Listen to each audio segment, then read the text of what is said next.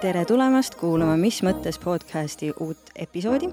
tegemist on Erasmus plussi poolt toetatud ja Stories for Impacti poolt ellu kutsutud projektiga, kus meie teemaks on nagu ikka vaimne tervis ja siin saates kutsumegi me iga kord külla uue spetsialisti, kellega koos tõstatada vaimse tervise valdkonna olulisi ja vahel ka vastuolulisi küsimusi eelmised episoodid, mida kui te veel ei ole kuulanud, siis ma väga soovitan kuulata, eh, olid meil koos Karina Laasi, Märt Avandiga, kus me rääkisime nii sellest, et milline teraapia on siis tõepoolest tõenduspõhine, kui ka sellest, et millist rolli vaimses tervises mängib eh, huumor ja naer. nii et eh, soovitan teil need episoodid samuti ära kuulata, aga täna on siin hoopis uus külaline, kelleks on Karmen Joller. tere! Karmeni puhul on tegemist perearstiga, sealhulgas aasta perearstiga kaks tuhat seitseteist. aastaarst. aastaarst, ma vabandan. korduvalt on sind valitud äh, aasta mõjukamate isikute hulka erinevate väljaannete poolt. Äh, lisaks oled sa saanud Tallinna teenetaja märgi ja oled ka Perearstide Liidu juhatuse liige ja mitte ainult, vaid nüüdsest ka Riigikogu liige selles uues koosseisus no perearstide seltsi juhatusest ma astusin tagasi, kui ma Riigikokku läksin, sest ma ei taha korraga olla kahel pool lauda, et piisab sellest ühest poolest küll. no selge, aga peamine põhjus, miks me täna just sind siia stuudiosse palusime, on see, et väga palju räägitakse vaimse tervise kriisi taustal sellest, et inimesed ei pääse küllalt kiiresti psühholoogi, psühhiaatri juurde, et ravijärjekorrad on pikad, spetsialiste on puudu, aga võib-olla ei räägita alati küllalt sellest, et milline siis tegelikult on perearstide roll vaimse tervise süsteemis ja seda teemat tahakski täna harutada, et millist abi siis perearstilt võiks otsida, aga ka seda, et millist abi vajavad perearstid ise, et seda rolli täita. mis sina ütled, kes ja millise murega peaks perearsti juurde minema? Minu meelest üks praegune probleem on see, et psühhiaatri juurde saab ilma saatekirjata ja minu meelest see ei ole okei okay. sellepärast, et kui väga sageli minnakse psühhiaatri juurde muredega, mida lahendamiseks pole vaja isegi perearsti ja see ei ole üldse patsientide süü, ma ei saa öelda, et ärge nüüd minge või ärge tehke. perearst peaks olema ikkagi see filter, kes äh, ütleb, et vot nüüd ongi vaja psühhiaatrit ja tegelikult on ka väga palju muresid, mille puhul ei pea isegi perearsti juurde tulema, kui on mingi äkiline õnnetus peres või midagi sellist, noh, loomulikult alati võib tulla, ma ei ütle, et ei või tulla. aga tegelikult siis ähm, noh, õnnetus õnnetuseks, aga mingi selline asi, mis inimest häirib, võib-olla mingi lühiaegne asi. me tihti esimesena ikkagi räägime näiteks oma sõpradega või oma pereliikmetega, need on kõige olulisemad meie mm. kontaktid. kui see ei aita, siis võiks otsida üles mõne psühholoogilise nõustaja või tugiisiku või, või mingi grupi, tugigrupi või, või mingi sellise organisatsiooni või seltskonna. et ja nii edasi. ja kui ikkagi niimoodi paari nädala jooksul abi ei saa, siis on küll aeg perearsti juurde pöörduda, kui on mis iganes sümptomid siis vaimse tervise osas häirivad, et äh, siis võiks tõesti tulla. ja hästi tore on see, et inimesed tegelikult tänapäeval väga teadvustavad ja nad ei häbene enam vaimse tervise muresid. aga osa meist on äh, väga introvertsed, sissepoole elavad inimesed. ja nemad sageli ei saa aru, et neil on vaimse tervise muresid. see on nagu noh, lihtsalt nagu ma ju tegelen sellega, mõistuse inimene, tugev isiksus, jõuline isiksus, ta tunneb, et noh, et noh, ma saan hakkama, et loomulikult muresid tuleb ette ja probleeme tuleb ette, ma nüüd lahendan, ma teen ja tegutsen. aga sageli, äh, kui me nagu läbi ei oska elada või enda jaoks sõnastada neid asju, siis äh, sageli juhtub nii, et hoopis äh, me jääme füüsiliselt haigeks et näiteks tekivad mingid südamerütmi häired või väsimus või peavalud või mingid sellised asjad. et see sageli jõutakse niimoodi palju kiiremini arsti juurde ka, et kui see ikkagi väga häirivaks muutub. et põhimõte ongi see, kui mingi asi väga häirib, siis tasub pöörduda küll perearstikeskusse, vahel nõustab õde, vahel nõustab arst, meie keskuses näiteks on olemas ka vaimse tervise õde, erinevates keskustes on erinevalt töö korraldatud. et esi, enne kui tuleb mõte psühhiaatri juurde minna, võiks siiski käia läbi perearsti juurest. Et igal juhul sa seda soovitad äh, täies usus, et enam enamik Eesti perearste suudab ära tunda vaimse tervise probleemid, suudab neid diagnoosida ja vajadusel suunata. mitte enamik, vaid kõik. kõik? jah. probleem võib vahel olla ainult selles, mis ongi nüüd, kui sa küsisid, et mida meie vajame, siis meie vajame rohkem tugipersonali. ega siis inimesed ei pöördu meie poole ainult vaimse tervise muredega, meie, meil on terve ampluaa probleeme, mida me lahendame ja see on põhimõtteliselt nagu kõik, kõik haigused, et nagu me oleme kõige targemad, eks ole, et me peame kõigest teadma, kõike ära tundma, kõike mõistma ja kõigega tegelema. ja, ja seetõttu oleks meil vaja rohkem, no alates õdedest, õdesid on väga raske leida, aga see ei ole ainult perearstisüsteemi probleem, see on kogu Eesti meditsiini probleem, probleem aga ka igasuguseid abilisi ja nii edasi. noh, see on ka üks põhjus, miks ma Riigikogus olen, et ma tahaksin, et Eesti tervishoiusüsteem toimiks efektiivsemalt. see tähendab ka seda, et kui, kui on mingi töö, mida teeb ära mittemeedik, siis selle peaks saama ära teha mittemeedik ja mida teeb ära IT-süsteem, selle peaks tegema ära IT-süsteem mm.. näiteks kui inimesel on mingi tervisemure, siis tal võiks olla kas või mingi, ma ei tea, kas portaal või mingisugune algoritm, mille järgi ta saab algul mingit adekvaatset tervisenõu ja, ja siis, kui ta sealt ei saa abi või ei leia seletust või on, jääb küsimusi õhku, et siis võtab ühendust alles perearstikeskusega, noh, see on üks näide, ma ei tea, lapsel on palavik kolmkümmend üheksa, neljandat päeva, mis ma teen? tulebki vastus, pöördu perearstikeskusse kohe, ongi korras mm. -hmm. või on esimest päeva ja andke seda rohtu, jälgige, kas on neid ohusümptomeid ja nii edasi. et samamoodi vaimse tervise muredega, et on olemas ohusümptomid, on olemas sellised normaalse reaktsiooni tunnused et tegelikult võiks need nõuanded kuskil olla kättesaadavad, õnneks nad on. aga, aga kus need, nad on kättesaadavad? vot küsimus ongi, kus nad on, et ma tahtsingi sinna jõuda mm, -hmm. et kui sa oled inimene, kes ei ole kokku puutunud selle süsteemiga, siis tuleb hakata ju guugeldama. Aga kui inimene teaks, et näiteks ma ei tea, haigus.ee või noh, mis iganes koduleht, eks ju, digilugu.ee, et ta sisaldabki seal võib-olla isegi ka personaliseeritud nõuandeid, et et äh, logid sisse, saad teada, et ma ei tea, kolesterool on kõrge või eelmine kord äh, sa tegid depressioonitesti, mis iganes, noh, ühesõnaga neid, see on natuke ulmevaldkond, sest me ei kasuta seda diagnoosimiseks, eks ju. mina unistan personaliseeritud nõuannetest muidugi. Aga kui oleks kas või mingid normaalsed nõuanded riiklikul tasandil olemas enamuse haigussümptomite kohta, võiks olla vähemalt kirjas see, millal pöörduda abi saama mm. -hmm. et on ta siis füüsiline või vaimne probleem, kunagi me perearstidega tegime dokumendi, millal pöörduda EMO-sse ja millal pöörduda perearsti poole, aga inimene, ega siis ta ei õpi pähe seda, et ühel päeval tal on äkki vaja ja siis ta ei leia seda dokumenti mm. -hmm et meil on infot tohutult palju, see on olemas, aga tänapäeval on küsimus selles, kuidas me selle info leiame ja kas see tuleb äkki ise meie juurde, võiks ju tulla.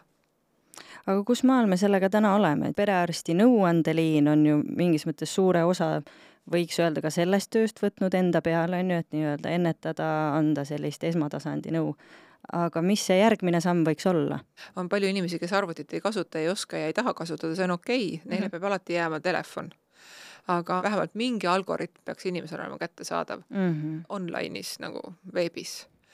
Aga noh, ma ei tea, millal me jõuame sinna, ma väga loodan, et me jõuame ükskord, aga see praegu ei ole isegi minu teada äh, mitte projekti tasemel, kõik räägivad sellest, et seda on vaja. Mm. -hmm aga kui me tuleme korraks äh, perearstide ja vaimse tervise juurde spetsiifiliselt tagasi, et kas sa saaksid natukene avada, milline on perearstide ettevalmistus, sa oled äh, muidu öelnud, et äh, residentuuris läbib iga perearst ka psühhiaatria mooduli. Ähm, kas sellele lisandub veel midagi või et kui tihti näiteks perearst uuendab oma teadmist vastavalt sellele, et noh, psühholoogias samamoodi, psühhiaatrias me ju õpime kogu aeg midagi uut, saame uut teada, et mis see perearstide ettevalmistus tänasel päeval on? No kõik arstid õpivad psü-, psühhiaatriat, et siin pole üldse küsimustki, et elementaarsed psühhiaatrilised probleemid tunneb ära iga arst, absoluutselt iga arst. perearstina jaa, meil oli osa residentuurist toimus psühhiaatriakliinikus äh, tollal ja nüüd ka toimub, et see on ka kindel.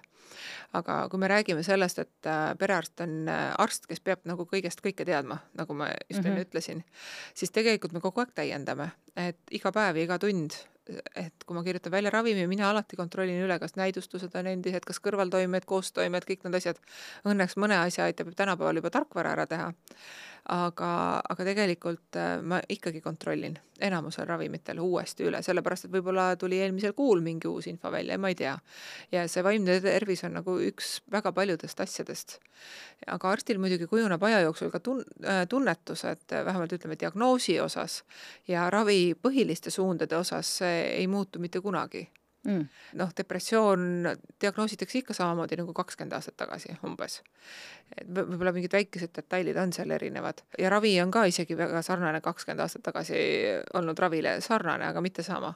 ja ka koolitame me ennast niimoodi, nagu me jaksame nõue on kuuskümmend tundi aastas ja siis see on ükskõik mis alal, põhimõtteliselt kardioloogia või gastroenteroloogia või psühhiaatria, aga võib-olla hoopis õpin tegema ultraheli või midagi muud. täiendkoolituse suuna valib spetsialist ise, et millest ta tajub, et tal on kõige enam praegu vaja lisateadmist ja sa oled öelnud seda, et iga perearst on tegelikult äh, igati pädev mitte ainult diagnoosima ära tundma, vaid ka ravima selliseid nii-öelda lihtsamaid psühholoogilisi väljakutseid nagu depressioon, ütleme meeleoluhäired mm. või ka ärevus, aga vahel on tegemist äh, nende häirete puhul ka mingisuguste komorbiidsustega, on ju, et ütleme, et ma tulen perearsti juurde, ütlen, mul on depressioon, ma saan oma antidepressandi, tihtilugu vist ka rahusti sinna juurde, minu kogemuses jaa, korduvalt, aga et ma saan aru, see on väga individuaalne, ilmselt sõltuvalt ka konkreetselt perearstist. ja, ja perioodist, millal on see toimunud, kakskümmend aastat tagasi see oli tavaline, tänapäeval rahusteid enam ikkagi kohe juurde enamasti ei kirjutata, aga see sõltub väga palju patsiendist ka. just, et selliste meeleoluhäirete puhul võib olla tegemist ka mingi viitega sellele, et probleem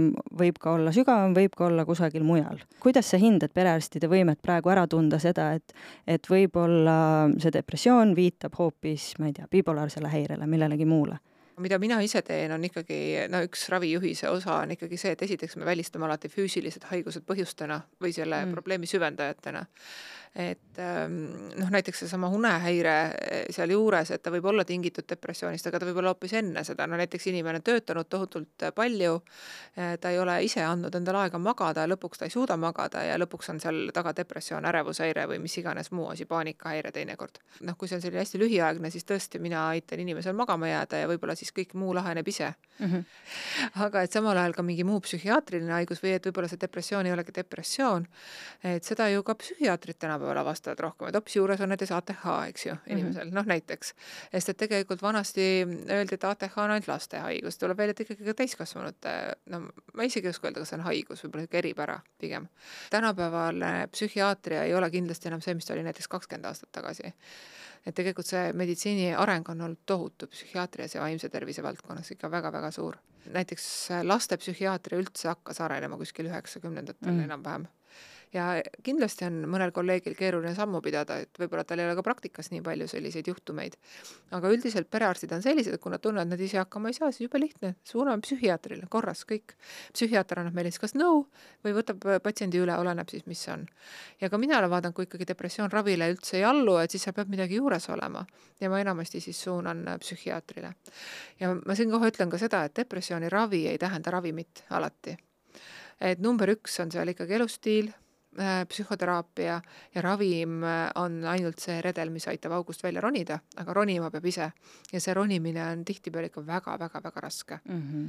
et kui inimene tahab äh, näiteks, kui ta on jõudnud sellesse punkti, kus ta vajab antidepressanti ja kui ta tahab ühel päeval olla selles punktis, kus ta ei vaja seda enam, Äh, teatud enamasti on see võimalik, siis see tähendab ikkagi tööd iseendaga hästi palju, et me ei saa oodata seda, et antidepressant lahendab ära sellesama minu harjumuse üle töötada või mitte kunagi ei öelda ja alati olla kõigega nõus ja siis sisemiselt põleda ja hävida, eks ju. või, või näiteks antidepressant ei, ei võta meil ära ka kommet muretseda kogu aeg igasuguste paljude asjade pärast mm. -hmm. et, et me peame õppima nagu neid muresid ka valima mm. -hmm. ja kui me seda ei õpi ära et mille pärast nagu päriselt peab muretsema, siis see antidepressant ka ei toimi.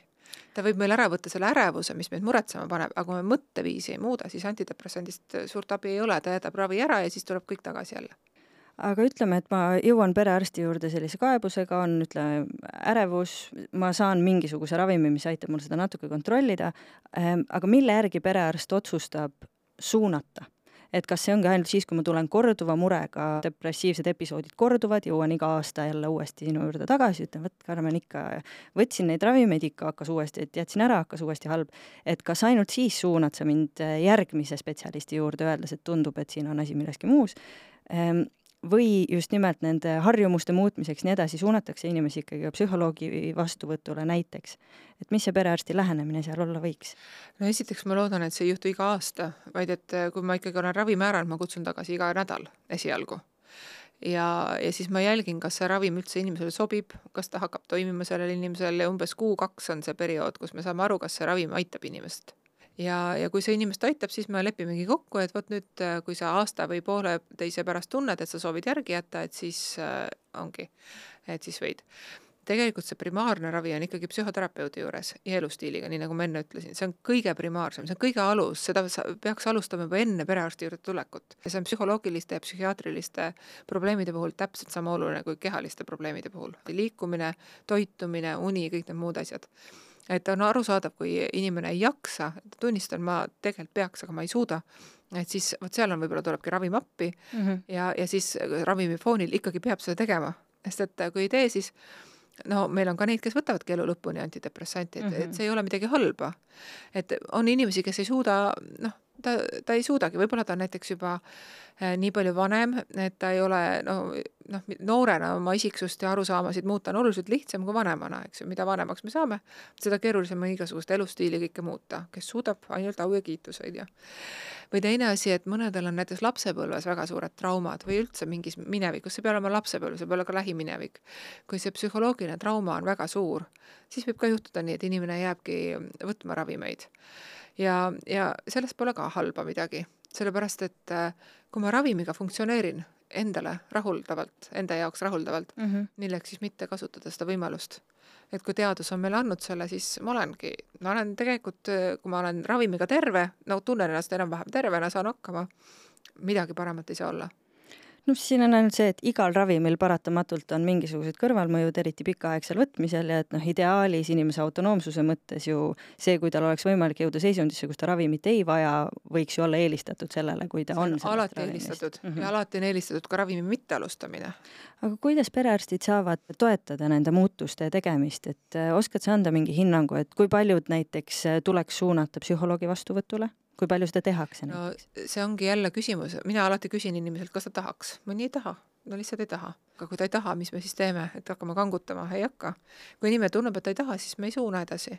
aga kui ta tahab, eh, no mida mina ikkagi ütlen, et ega psühholoog ei ole see, kelle õla najal nutmas käiakse psühholoog on äh, inimene, kes aitab sul iseennast analüüsida ja ise otsustele jõuda, et ta ei ole see, kes tuleb nõu andma või, või kus sa pead nagu lakkamatult oma probleemidest rääkima.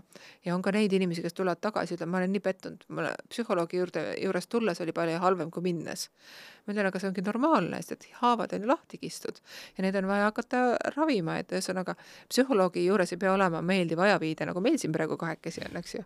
vaid eh, seal võib olla valus ka, nii nagu arsti juures ka vahel on valus et see on osa sellest tervenemise protsessist ja teekonnast ja sina ütled, et seda ei tasu mitte karta, vaid see on noh, mulle ja. meeldib mõelda, et sellesse tasub suhtuda nagu investeeringusse nii-öelda, et sa teed mingisuguse hulga tööd, aga sa teed selle kõik selleks, et sul endal sellest lõpuks kasu oleks, et see enesetunne paraneks tähendab, psühholoogiga ei pea saama sõbraks, on ju, ja psühholoog ei pea olema pereliige. Psühholoog on professionaal, kelle juurde ma lähen abi saama.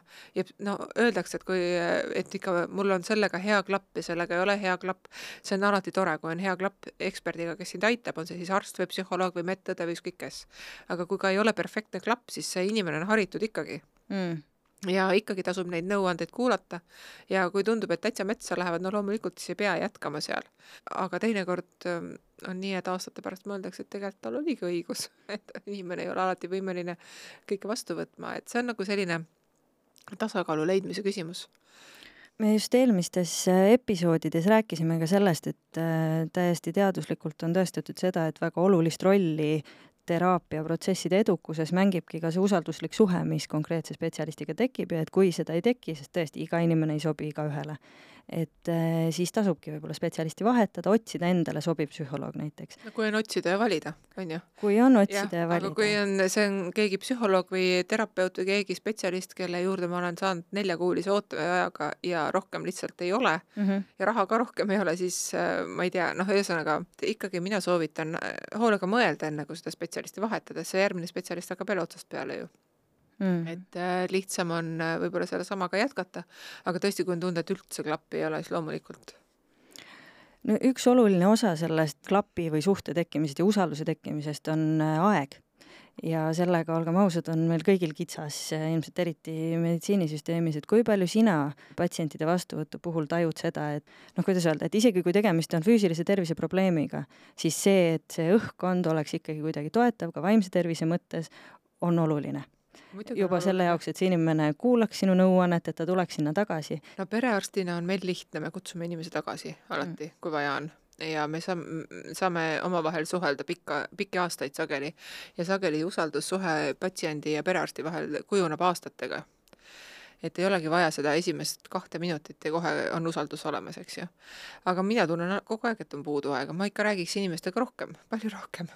et ma võib-olla räägingi rohkem, aga siis ma ei jõua jälle nagu muid asju teha, mõelda, näiteks noh, me täna isegi puhketoas rääkisime sellest, ma tahaks, et mu vastuvõtt oleks tunniajaline, aga mul on kakskümmend minutit mm. -hmm.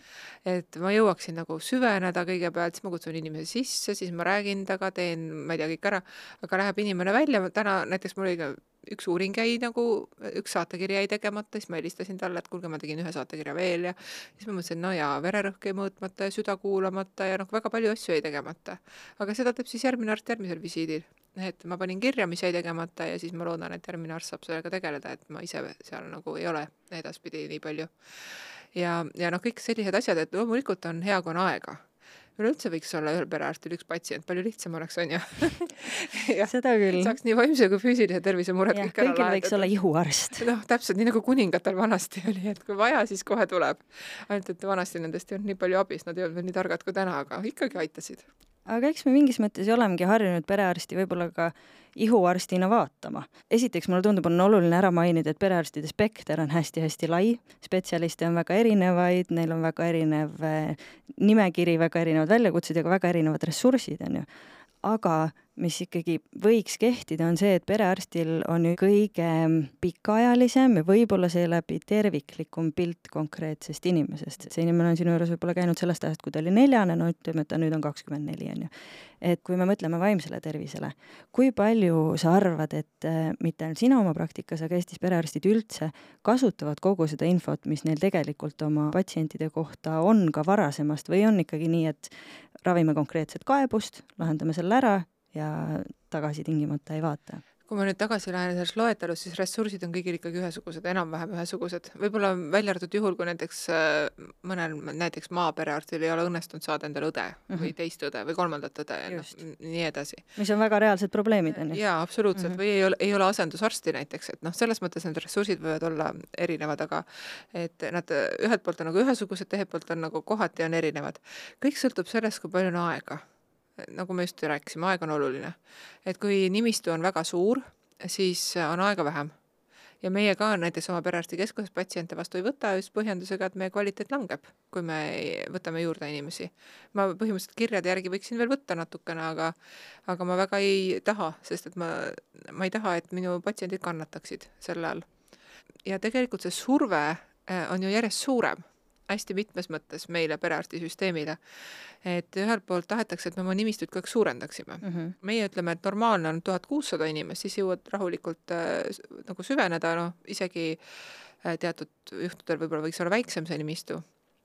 aga meil on äh, riigi poolt on nagu kaks tuhat on see äh, inimeste arv, kes peaks olema nimistus et äh, kui on üle kahe ja paljud on ka üle kahe tuhande neid inimesi ja, ja surve on ka teistpidi, et meie elanikkond vananeb. järjest rohkem on äh, inimestel nagu vanusega seotud terviseprobleeme. ja sealt edasi meie teadus uueneb ja areneb.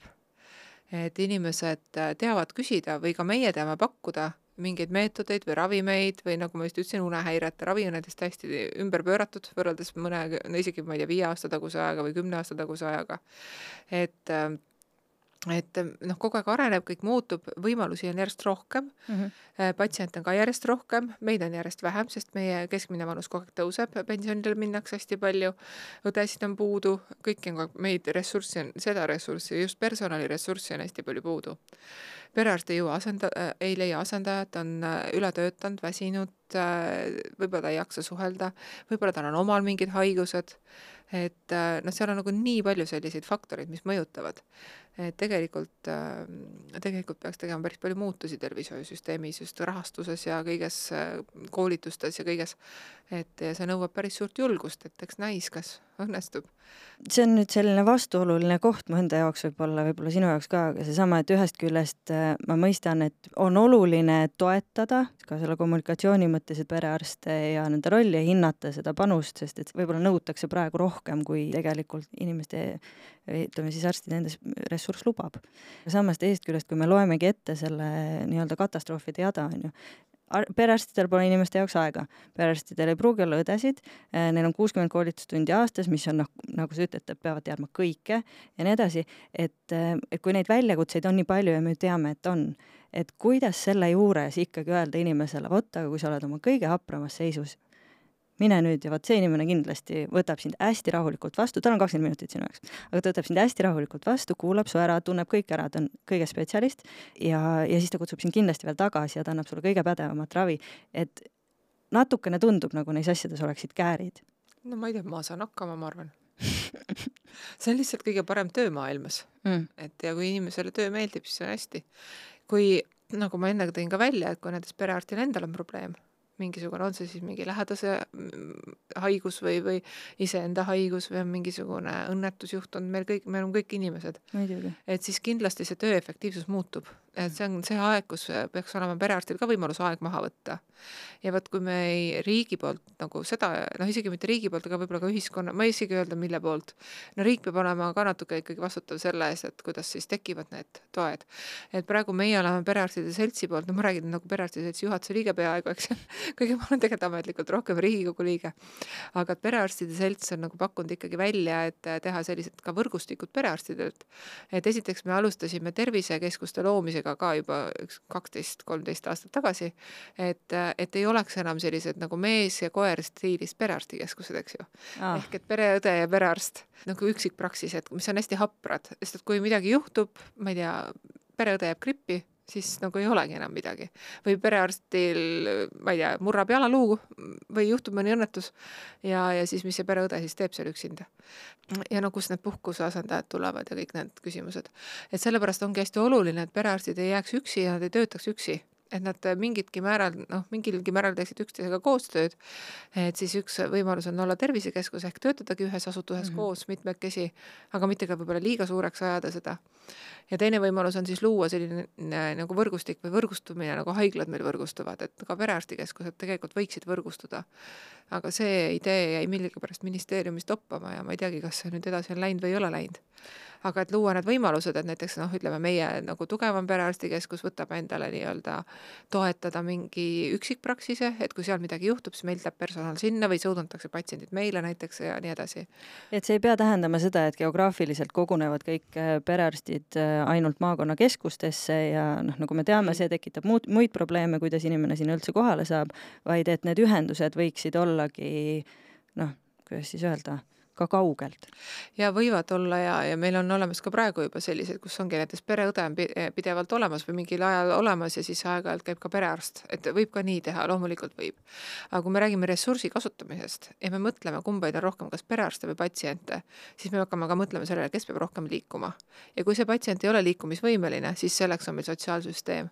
et me ei tohi segamini ajada perearstisüsteemi ja sotsiaalsüsteemi ülesandeid et kui inimene ütleb, et mul on perearst liiga kaugel, ma ei pääse perearsti juurde, näiteks maakoht puudub äh, bussiühendus, ühistranspordiühendus, kõige levinum probleem, et sa ei saa ühe päeva jooksul sõita bussiga sinna, kus on su perearst ja tagasi. No inimene on jumala liikumisvõimeline No tal lihtsalt pole autot. just, et sellisel juhul on meil, võiks olla nagu sotsiaalsüsteem või KOV peaks olema loominguline. et miks mitte, nagu me kunagi kuskil, ma ei tea, kas see oli Soomes või kuskil, näiteks kui naaber viib naabri perearsti juurde, siis ta saab mingisuguse väikse kas kütusekompensatsiooni, ta võib ise oma asjad ka linnas ära ajada samal ajal ja võtab mm. -hmm. selle naabri memme ja viib arsti juurde või miks mitte, mis memme, eks ju, ta võib ka noor inimene olla, kellel lihtsalt pole autot või ei sõida autoga, et viib arsti juurde ja saab oma poeskäigud, asjad tehtud ja siis võtab selle kaasa pärast ja läheb tagasi. et, ähm, et noh, miks mitte selliseid nagu juba toimivaid lahendusi ära kasutada, et mm. -hmm. et nagu toetada seda ka kogukondlikku tuge, sest me tegelikult vajame üksteist. Et minu meelest ka üks vaimse tervise ja kõikide väga paljude muude tervisehäirete probleem on see, et me elame üksi kogu aeg. ja me oleme kogu aeg nii üksi, me oleme nii individualistid tänapäeval. see vana kolme-nelja põlvkonna kooselamine, see oli ikkagi väga-väga hea, seal tekkis kohe oma kogukond. ja noh, külas ka, eks ju, naabrid ja kõik, kes äh, on, et ikkagi kui selline võrgustik on ümber, et nendel inimestel on alati kergem Mm -hmm. ja kui võrgustikku pole, siis on nii vaimselt kui füüsiliselt kõigil, kõigil raskem. see ju algab tegelikult sellest, see võrgustiku loomine, et äh, kuidas inimesed omavahel läbi saavad. et me õpiks nagu üksteisega paremini läbi saama, üksteisele toeks olema, siis me saame, äkki peame vastu ka ühe katuse all või siis naabermajades. jah, noh, see vaimse tervise valdkonna selline arengustrateegia ongi meil siin Eesti Vabariigis kujutatud püramiidikujuliselt, on ju, et kui see põhi on eneseabioskused, siis see teine aste ongi kogukond, nagu sa mainisid, on ju, et esimese asjana on väga normaalne rääkida asjadest sõbrale ja nii edasi, keegi peegeldab ja mitte ainult seda, et ma jagan probleeme, aga see väga praktiline tugi, mida me üksteisest saame leida nii vaimses kui füüsilises nagu maailmas. Ja justkui see kolmas aste, siis ongi perearst, kes juhul, kui vaimse tervise probleem siiski tekib, et siis igal juhul tasuks alustada perearstist. Mm -hmm. et ähm, kui see üle ei lähe, ütleme niipidi, kahe-kolme nädalaga üle ei lähe, siis tasub perearsti poole pöörduda. mm -hmm. ja siis hakatakse selekteerima, et kas on vaja veel edasi või ei ole vaja edasi midagi suunata kõrgemasse etappi muidugi, kui on nagu erakorralised asjad, suitsiidmõtted ja, ja ennast kahjustav käitumine, siis loomulikult kohe psühhiaatri kliinikusse, EMO-sse. et seal isegi, kui kunagi psühhiaater tulevikus on saatekirjaga, siis, siis see võimalus loomulikult peab alati jääma inimese jaoks, et ta saab erakorraliselt pöörduda. ja see ei peagi olema tingimata psühhiaatriakliinik, võib pöörduda ka mõnda muusse EMO-sse, et meil ju ei ole igas linnas psühhiaatriakliinikut ja teine asi, millest võib-olla veel rääkida, et kui inimene on vaja suunata edasi psühhiaatri juurde, siis perearstid saavad kasutada e-konsultatsiooni. Ehk et nad teevad kokkuvõtte patsiendist, saadavad selle psühhiaatrile, psühhiaater saadab vastu ka siis mingid esmased nõuanded või võtab patsiendi üle ja nii edasi. et see on võib-olla patsiendi jaoks kõige parem lahendus üldse ja mina arvan, et igasugune suunamine peakski toimuma erinevate eriarstide juurde just e-konsultatsiooni kaudu, sest et siis ei satu sinna need inimesed, kes ei peaks seal olema. Ja... saad sa seda natukene avada, just nimelt seda, et sa oled praegu korduvalt välja toonud, et see on probleem, et psühhiaater on ilma saatekirjata, miks see probleem on no,? ongi sellepärast, et ma ei tea, noh, juhtub midagi mu elus, kaotan töö näiteks, olen väga kurb ja väga šokeeritud sellest. väga inimlik reaktsioon. absoluutselt, ja see on väga normaalne mm. -hmm. noh, kindlasti esimene, nagu me rääkisime, oleks rääkida sõbraga, on ju, aga mõned lähevad esimese asjana hoopis psühhiaatri juurde. ja, ja noh, ega psühhiaater ei saa midagi teha seal, eks ole, et noh, et, et noh, noh, ta võib muidugi tabletid kirjutada, eh, kui ta peab neid vajalikuks, võib-olla juba enne mingi probleem olnud ka inimesel ja nii edasi. aga aga ega siis noh, see pole see, et sellise lihtsa asjaga saab hakkama, seesama sõbranna saab esimese asjaga hakkama, eks ju, või siis sõber või, või pereliige. Ja, ja siis jällegi minna ikkagi ka mõne naabri juurde võib-olla rääkima, no mis iganes, rääkida, rääkida, rääkida, see on kõige parem, on ju. et, et probleemid, noh, ikka inimestel juhtub elus halbu asju, et psühhiaater on sellise haiguse arst, mida perearst ei suuda ravida, võiks öelda aga mille järgi perearst otsustab, sest psühholoogi kohta sa ütlesid väga konkreetselt, et sa pakud igaühele, kelle puhul sulle tundub, et selleks võib näidustus olla ja see on inimese enda valida, kas ta läheb või ei lähe. selle ma ütlesin ka konkreetselt, kui perearst mm -hmm. tunneb, et ta ei saa hakkama, siis suunab edasi aga mille järgi sa tajud, et sa ei saa hakkama? no kui näiteks ravi ei Kuidas toimi. ja näiteks ravi ei toimi või kui sümptomid on väga ohtlikud ja vaja kiiret reaktsiooni, näiteks inimene peaks haiglas olema või kui tegu on haigusega, mis ei kuulu minu pädevusse, skisofreenia näiteks, seesama bipolaarne häire või ATH või Asperger või et kui on vaja diagnoosi täpsustada, eh, panna keerulisem diagnoos et siis ma suunan ka edasi, kui ma on juba selge, no ma tunnen ka ära need bipolaarsed ja need tunnen ka ära, aga ma ei ole, noh, ma ei jõua elu sees kõiki neid diagnoosida, see on väga suur protsess, väga pikk ja põhjalik protsess. et siis seda saab teha psühhiaater. Ja siis on jälle see teine pool, et äh, kui ka tegemist on füüsiliste kaebuste või vaevustega või inimestega, kes, kellel näiteks on kroonilised haigused, see liiklus võib ju toimuda ka niipidi, et see pikk füüsiline haigus hakkab mõjutama vaimset tervist. Mm. -hmm kuidas perearst sellesse suhtub, et või et kas see on üldse miski, millele pöörata tähelepanu, ütleme, et kui sul käib inimene krooniliste valudega, on ju, käib aasta-poolteist, no arvata on, et ega tal see meeleolu enam hea ei ole, ükskõik mis valuvaigisteid talle antakse, on ju. kas perearst võtab sellisel puhul nööbist kinni ja ütleb, et kuule, mulle tundub, et sul oleks siin vaja nagu muud tuge ka? tegelikult kroonilise valu definitsioon on selline, see on valu, mis kestab kolm kuni kuus nädalat mm., mitte poolteist aastat, on ju. Mhm. et ja teine asi, et kroonilise valu ravis kasutataksegi antidepressante mm ja sellepärast, et antidepressant vähendab ka valutundlikkust. kui inimesel on kroonilised valud või on tal mingi muu krooniline, ükskõik mis raske haigus, siis nagu loomulikult psühhoteraapia on üks äh, asi, mida inimene võib-olla vajaks. ja teine on siis ongi vastavad ravimid ja need on spetsiifilised ravimid ja väga spetsiifiline raviskeem. aga kas perearst ütleb seda? kui, kui sul on äh, patsient, kellel on üle kuue nädala kestnud valu, kas sa ütled talle, et ma arvan, et äh, Muidugi sa vajaksid psühhoteraapiat ka. kui ma olen kroonilise valu ravijuhendi läbi lugenud, siis kindlasti ütlen.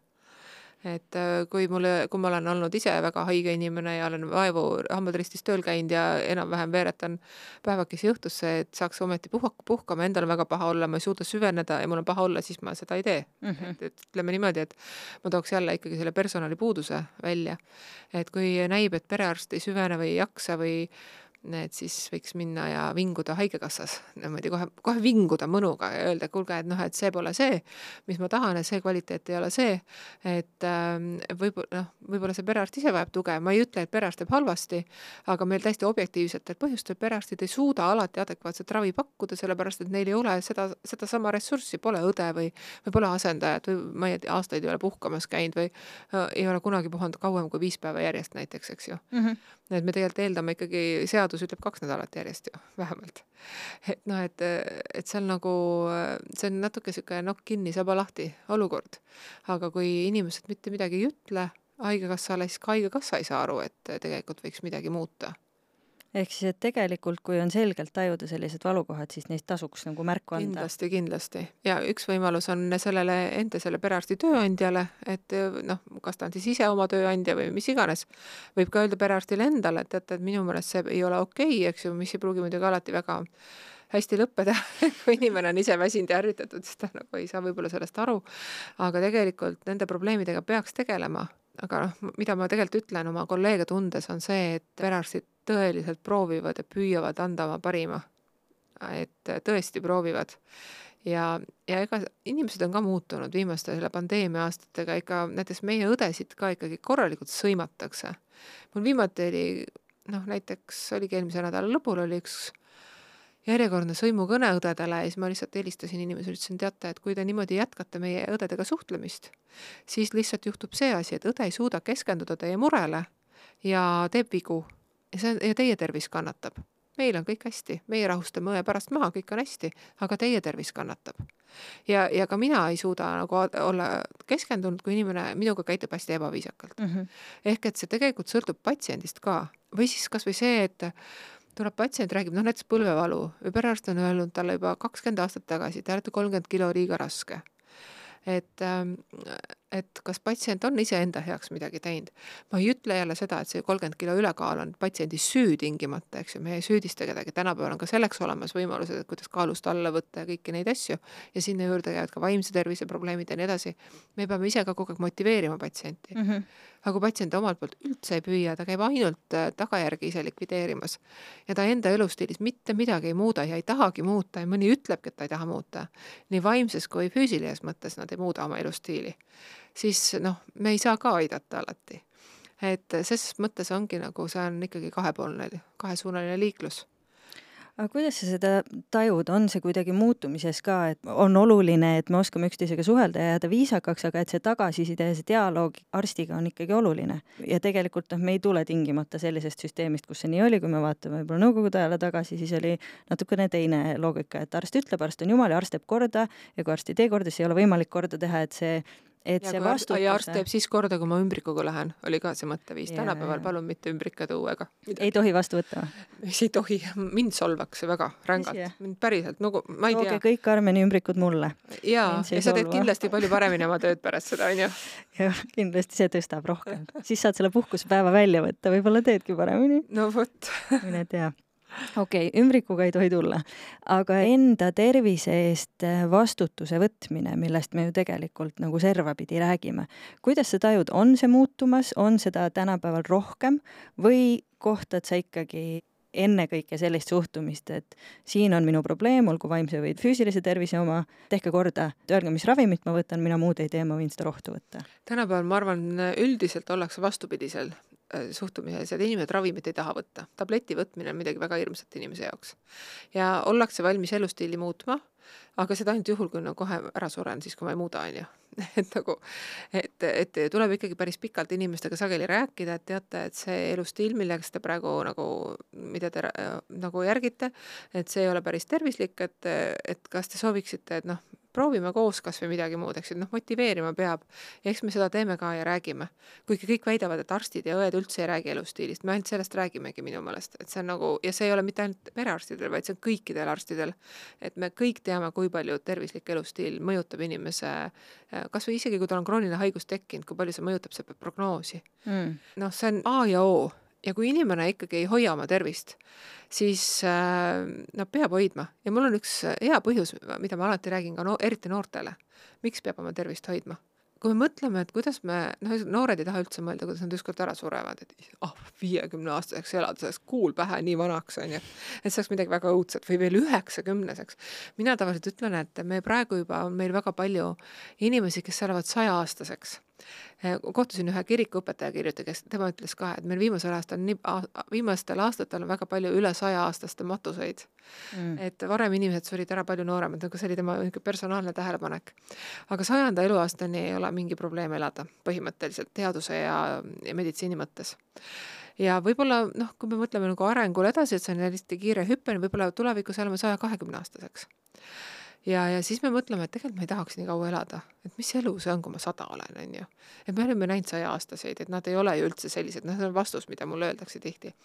aga no näiteks täna minu juures käis üks mees, kes on, ta saab sada järgmise aasta al-, äh, esimeses pooles. ja tuli ise vastuvõtule ja rääkisime juttu ja väga tore ja ma arvan, et tema elul ei ole häda midagi, eriti arvestades seda, et ta on peaaegu sada, et, et äh, sada aastat kogemusi. aga kui me nüüd äh, mõtleme, et me peame sellesama kehaga elama järgmised sada aastat näiteks ja tegelikult meil ei ole nagu valikuvõimalust, millal me ära sureme. et kui ma ütlen, ma ei taha saja aastaseks elada, aga kui kaua sa siis tahaksid elada hmm.? ja kuidas sa tahaksid ära surra? et kui panna inimene mõtlema selle peale, nad ei taha ju üldse mõelda selle peale, nad tahaksid ära surra kõik äkki. aga kui ma ütlen, et näiteks, et sa viimased nelikümmend aastat elad äh, pärast infarkti et äh, sul on sooned vahetatud ja, ja sul on, sa võtad äh, kogu aeg ravimeid, sa võtad näiteks, ma ei tea, võib-olla verevedeldajat või mingisugust vererõhuravimit, südamepuudulikkuse ravimit mm -hmm. võtad. su elukvaliteet ei ole see, mis oli enne infarkti, kui sa armastasid pidutseda juua, nüüd sa enam ei julge, sest ravimid on sellised, et sa ei julge juua. aga kui sa neid ravimeid ei võta, siis on äh, uue infarkti oht on väga suur näiteks, eks ju. me suudame tänapäeval liigesed ära vahetada, kui me ikkagi oleme ülekaalulised, kulutame ruttama liigesed läbi, ma ei räägi isegi tugevast rasvumisest, vaid ülekaalulisusest kulutame liigesed läbi, siis äh, saame uued liigesed, saame panna uued läätsed silma me saame uued veresooned panna, me saame panna südamestimulaatori, me saame siirdada südame, neerud, kopsud, maksa, saame soolest õmmelda uue maa, teha uue mao inimesele näiteks. me saame tuua soole välja, kui ta on vähk on olnud, saame välja tuua kõhu, kõhu peale, mis on natuke küll kole, aga inimene elab edasi täiesti mm -hmm. noh, nagu kvaliteetset elu ja nii edasi. et küsimus ongi see, et millisena ma tahan need nelikümmend aastat elada et kas ma tahan elada oma liigestega, oma südame-veresoontega ja oma igasuguste muude osadega ja mida me veel õpime siirdama või vahetama inimesel või me tahame olla küborgid mm, -hmm. eks ju. et selles mõttes see elustiil on A ja O ja vaimses mõttes täpselt samamoodi, see on A ja O mis iseloomustab vaimse tervise muredega inimesi, ongi see, et nad ei julge tihti isegi abi otsida, neil tekivad ka füüsilise tervise probleemid, nad vahel langevad välja tööturult, nad ei julge ka näiteks töövõime hindamisele minna, et saada see osaline või puuduv töövõime nagu ja selle kaudu kindlustus. et neil on tegelikult hästi palju muresid et reageerida tuleb õigel ajal ja, ja ennetada ja ravida aitab neid kõiki, number üks on ikkagi elustiil, mida inimene saab ise teha, ma ei saa seda rohkem rõhutada. ja siis edasi arstiabi aga muidugi, kui inimene ei suuda seda elustiili järgida, me ikka aitame, me kõike teeme. Mm, -hmm. aga efekt lihtsalt on oluliselt väiksem. See on hästi huvitav selline vastuolu mingis mõttes, mille sa välja tood, et arstina sinu roll tihtilugu, mulle tundub, mitte ainult sinu, aga nii palju, kui ma elus arstidega rääkinud olen, aga ongi noh, julmalt öeldes ka inimeste hirmutamine, aga see, et sa tood nagu noh, jalad maa peale tagasi sellega, et sina mõjutad neid asju nii ja sa saad neid teha nii ja sa ei ole igavene ja kui sa teed kakskümmend aastat suitsu ja küsid, miks mu süda läbi on, siis see on lihtsalt noh, et ma osutan sellele sigaretile, et sisuliselt sa ühendad A ja B ja ütled, kuule, vaata nüüd reaalsusele otsa ja hoia ennast füüsiliste vaevuste puhul väga tihti see võib olla hädavajalik inimesele selle peegelduse andmine, kuivõrd ta ise oma tervise eest vastutab. vaimselt samamoodi. no vot, aga siin nagu lisandub hästi see pool, et äh, nagu sa ütled, inimesed ei julge tihti isegi abi otsida, et inimene, kes tuleb vaimse tervise probleemiga, tihtilugu on nii haavatav, et kuidas seal laveerida selle lõhukesel no, sageli, pinnal, et sageli sellised, kes ei julge abi otsida, on aastakümneid olnud probleemidega. Mm. Aga üldiselt tänapäeval keskmine inimene julgeb abi otsida ja see ei ole nagu probleem. et pigem, pigem kus nagu läheb asi, nagu noored ütlevad, läheb lappama, on see, kui inimesed hakkavad kasutama meelemürke ja vaimse tervise puhul ka, et on noh, alkohol muidugi ja ma ei saa mööda minna kanepist, mida peetakse nii ohutuks ja nii lahedaks ja nii kihvtiks ja oh, ma lihtsalt lõõgastun alkoholiga, aga lihtsalt lõõgastutakse, kõik on nagu nii chill ja nii tore. aga tegelikult äh, need mõlemad, nii alkohol kui kanep ja kõik, kõik muud need meelemürgid, nad sõna otseses mõttes kahjustavad aju. ja kui tekivad psüühikahäired, siis need ravimid enam ei aita et kui sa küsisid, et millal on vaja edasi suunata, siis tihti ka siis, kui inimene on sõltlane näiteks, siis meie ei suuda siis enam inimest aidata, siis läheb edasi juba spetsialistidele, kui nemadki suudavad, et sõltuvushäirete ravi on tegelikult üks tänamatumaid asju üldse. ühelt poolt inimesed nagu loodavad, et äh, nad saavad oma näiteks alkohoolikust lähedase panna haiglasse ja noh, siis, aga ta tuleb tagasi sealt üsna kiiresti, tal lahendatakse mingi deliirium või, või niisugune ohtlik olukord ära, ta tuleb tagasi mm. -hmm. ega haigla ei tee seda inimest terveks, ei saa, ükski ravim ei tee teda terveks. et seal on tohutu töö, on inimesel endal võib-olla, võib-olla on tulemas ka sellised ravimid, mis ka nagu reaalselt aitavad seda sõltuvusprobleemi vähendada, me ei tea seda. no on ravimeid, mis nagu sõltuvust äh, leevendavad, on olemas juba, aga need, need ei ole nii efektiivsed, nagu me tahaksime. et seal on ikkagi see elustiil ja, ja sageli algab see kuskilt lapsepõlvest ja et seda enam on hästi oluline, et kõik see elustiili asi oleks korras enne meditsiini jõudmist, enne selle, selle saavutamist, et inimesel on vaja arsti ja tegelikult, kui räägitakse, oo, ma pean arsti juures tervisekontrollis käima, noor terve inimene ei pea käima, ta peab käima hoopis äh, liikumas, ta peab vaatama, astuma saunakaalule, ta peab vaatama taldrikusse, on ju. et see on see tervisekontroll, mida inimene saab teha, iga aasta võiks teha, iga päev võiks seda teha. haiguste ennetuse roll on järjest suurem ja inimestel on ka nõudmisi on järjest rohkem, nad nagu ootavad arstilt palju rohkem, et äh, et näiteks kakskümmend aastat tagasi, kui ma alustasin perearstina, siis mult ei küsitud laste käitumisprobleemide kohta, aga tänapäeval on see arstlik teema justkui. ja osalt ongi, et midagi ei ole öelda. et äh, inimeste arusaam meditsiinist arstist on ka muutunud, et mm. see noh, ka suurendab jälle seda koormust, ootused on kõrged ja samas äh, alati me ei suuda seda pakkuda, mida nad ootavad aga suhtud sa pigem hästi sellisesse patsienti, kes justkui on oma kodutöö teinud, äh, aga ei oma meditsiinilist haridust ja noh, ma kujutan ette, et inimesed kodutööga võivad jõuda väga õigetele, aga ka väga valedele äh, järeldustele, et kuidas sa suhtud sellisesse patsienti? mina arvan, et inimene peab oskama ennast ise harida ka, see on väga okei okay. ja kui ta ei jõua õigele järeldusele või jõuab ükskõik ja ta tahab kinnitust, siis tulla arsti või õe vastuvõtule on väga okei okay kindlasti on. tark ja normaalne inimene ikkagi, ta oskab valida allikaid ja ta ei lähe otsima selliseid allikaid, mis ma ei tea, ei ole õiged. noh, vahel muidugi pettusi on igasuguseid, eks ju, et me võime ka petturite otsa sattuda. aga põhimõtteliselt ähm, keskmine inimene üldiselt ikkagi oskab äh, guugeldada ka mm. -hmm. ja kui ei oska, siis äh, kui jõuab väga hirmutava tulemuseni, siis nad jõuavad väga ruttu meile vastuvõtule. ja siis me räägime, et ei, seekord ei ole nii, et palju lihtsam on või vastupidi, et tubli, õige diagnoos, nüüd läheb uuringud ja ravi on sul mõne vaimse tervise probleemiga ka sellist juhtumit olnud, et inimene justkui tuleb, diagnoosib iseendal midagi hoopis muud või hoopis raskemat ja sulle tundub, et asi ei ole nii? noh, eks see on igasuguseid olnud, et vaimse tervisega on võib-olla isegi roh-, lihtsam diagnoosida, kuna seal on nagu tihtipeale mingid testid ja asjad on kuskil veebis olemas ja siis nad teevad need testid ja vaatad, sinnapoole läheb ja, ja siis ongi arsti asi on siis hinnata, kas on vaja näiteks, kas ongi nii või on vaja äkki täpsustavaid uuringuid või midagi, et siis vaatame edasi. ja hästi palju räägitakse vaimsest tervisest. et äh, see, mida Peaasi on teinud ja kõik need muud podcast'id ja asjad, et see on väga-väga hea näed sa selle töö nagu vilju mingil kujul oma töös ka? Noh, mul näiteks Ikka, kõige, kõige selgem on viimasel ajal see vaimse tervise vitamiinide kampaania, mida Peaasi ajab, on ju, mis noh, tegelikult mm -hmm. ongi see abc, need elustiili valikud, mis justkui peaksid olema meile kõigile tuttavad, aga vajavad ikka meeldetuletamist, on ju. muidugi need kampaaniad on aidanud ja, ja väga palju minu meelest on näiteks laste puhul aidanud igasugused vanemluskoolid ja ja sellised asjad, et äh, ei peagi olema alati mingi psühholoog ja psühhoterapeut seal meeskonnas, vaid ongi inimene läheb ja saab teada. üks ema mulle kunagi ütles, et tema, et ta on täiesti vaimustuses, tema vist läks ise kuidagi sinna vanemluskoolitusele, ta oli viieaastane laps ja ta ütles, et suhe lapsega paranes tohutult, kui ta võttis need nõuanded, et nagu nii rõõm oli kuulda seda.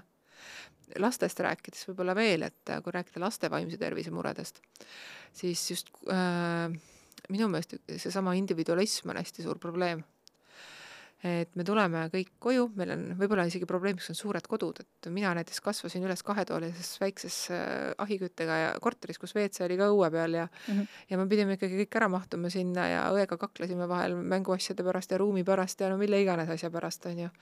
et ähm, ja pidime õppima üksteisega ikkagi arvestama lõppude lõpuks, hakkama saama et äh, võib-olla need suured kodud, kus igaühel on oma tuba, võib-olla see on probleem isegi. et ühelt poolt on justkui tore, et inimene saab tõmbuda, aga teiselt poolt ta nagu ei õpi arvestama teistega.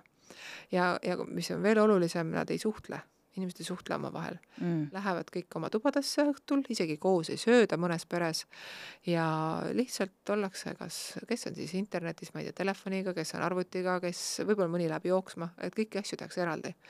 et äh, kui peres enam ikkagi ei räägita omavahel muust kui olmeasjadest, siis tuleks äh, midagi ette võtta, et see on hästi oluline.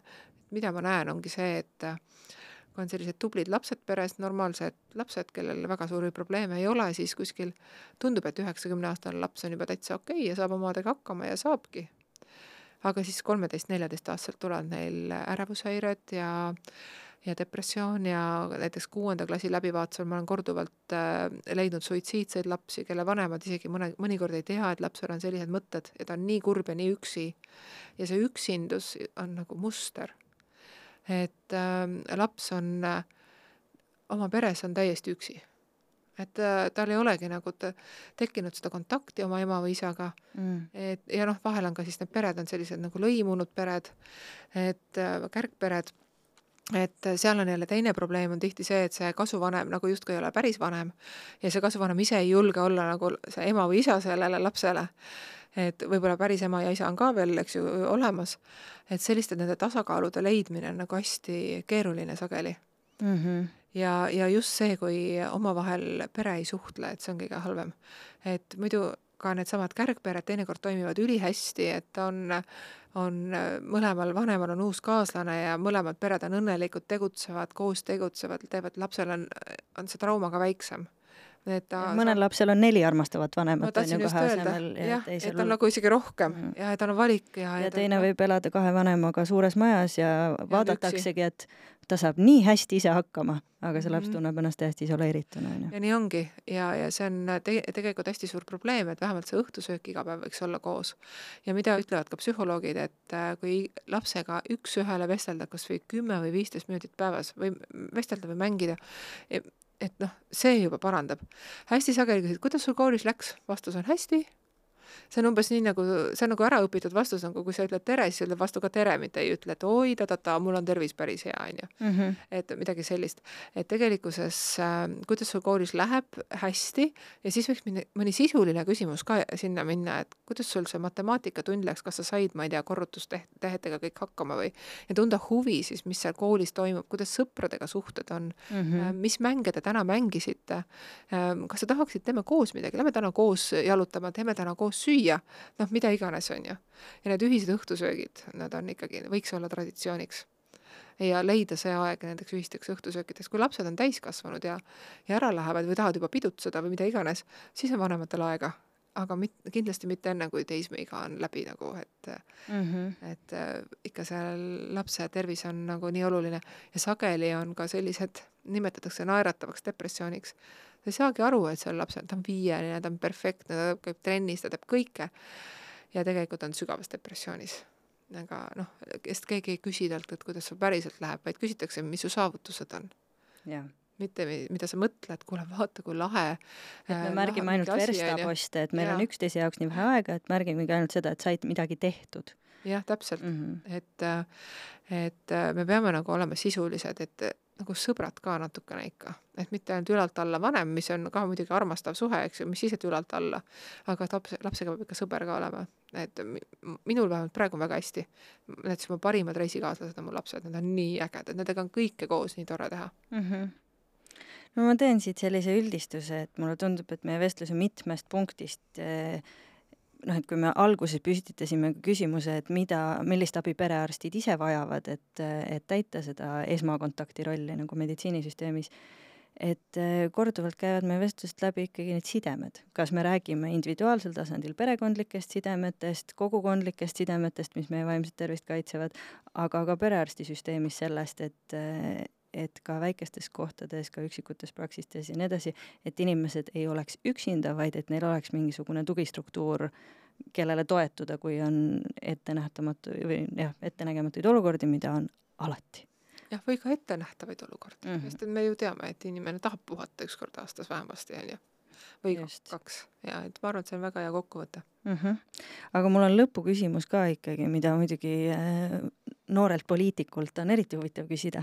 et äh, me alustasime seda siin, kui mul käis külas Kene Vernik, kellega me rääkisime unetervisest ja, ja vaimsest tervisest selles lõikes. kui Eesti Vabariigis oleks vaimse tervise minister, kellel on absoluutne võim ja seda positsiooni täidaks Karmen Joller, ressursse on lõputult, siis mis on need äh, muudatused, mille sina viiksid ellu kas või homme et meie vaimne tervis oleks paremini hoitud. kui ressursse oleks lõputult, siis ma ei peaks ühtegi muudatust ellu viima.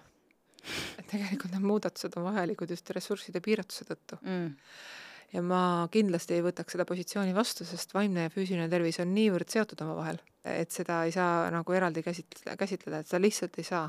et nii, nagu ma siin olen viiskümmend korda rõhutanud, kui oluline on, on seesama tervislik elustiil, siis see on oluline nii vaimse kui füüsilise tervise jaoks. kui on vaimse tervise probleem, siis sellest kujuneb füüsilise tervise probleem ja vastupidi. et tegelikult ähm, ma arvan, et meil ei ole vaja vaimse tervise ministrit, nii jõhker kui ma ka ei ole seda öeldes. Et, et, et pigem on meil vaja sellist hästi äh, tublit äh, terviseministrit ja ma arvan, et meil selline praegu on ka, aga eks näis, kuidas tal läheb, et ega siis tema tööd ka keegi kergemaks ei tee, ikka on vast-, väljakutseid järgemööda ma küsin ühe viimase küsimuse ikkagi veel, sest et ähm, noh, et äh, see perearstide spekter on ikkagi hästi lai ja nagu me ütleme, et inimestel on erinevad võimalused. kas on mõni soovitus, mille sina tahaksid oma kolleegidele anda, kui me just vaimsele tervisele mõtleme, et, äh, et kuidas oma patsiente vaimse tervise poole pealt saaks paremini toetada? no võib-olla number üks ongi säilitada kõigepealt enda tervist ja tegelikult on see uues Hippokratese vandes ka selles viimases redaktsioonis, et äh, selleks, et aidata patsienti, peab ka arst olema terve äh, nagu ja hoidma iseennast, piisavalt magada, piisavalt äh, tervislikult süüa, kõik needsamad tervisliku elustiili põhimõtted ja hakata vastu, kui äh, see ei ole võimalik ja kui pannakse peale suuremaid ülesandeid, kui kanda jaksate, kui te kanda jaksate. et me perearstide seltsis oleme seda teinud kui ma olin juhatuse liige ja hiljem nüüd ka teha, tehakse. et äh, tegelikult tahetakse kõik maailma ülesanded laduda perearstide koorma, koorma nagu õlgadele. et äh, nii eriarstid, kes leiavad, et vot see on perearsti, perearst peab seda tegema, noh, mis ei ole üldse teinekord valegi, et teinekord ongi tal neil õigus. aga kui on ainult üks perearst ja, ja väga palju muid erinevaid ülesandeid, siis võib-olla nagu ma ütlesin, meil oleks vaja rohkem tuge, tugipersonali, kas siis patsiente vähem või lihtsalt ka personali rohkem, et kõike muudkui tahaks ressurssi juurde saada, vot seda oleks vaja küll, eriti personali näol. suur aitäh sulle, Karmen, et sa täna tulid ja aitäh kutsumast! mulle tundub, see arutelu on hästi oluline, just nimelt see, et me teadvustaksime ka rohkem seda, et eh, mida perearst eh, vaimse tervise süsteemis teeb, millega tema poole pöörduda ja mul on väga hea meel selle üle, et sina praktikuna ütled äh, korduvalt, et inimesed ei karda vaimse tervise muredes enam abi küsida. Õnneks ei karda, jah. see on väga suur asi, et kui sina ka seda mhm. seal äh, oma kabinetis tajud, siis see on ainult põhjus rõõmustada. absoluutselt. võib-olla, kes veel kardavad, on äh, üle keskea mehed, vanemad mehed nemad võiks küll endast rohkem avada. ja, ja võib-olla ka vanemad prouad, et äh, nemad on nagu avatumad, aga aga vanemas keskeas või, ja mõtlemegi vanem keskiga, me hakkame vanaks nimetama inimest alates üheksakümnendast eluaastast tänapäeval.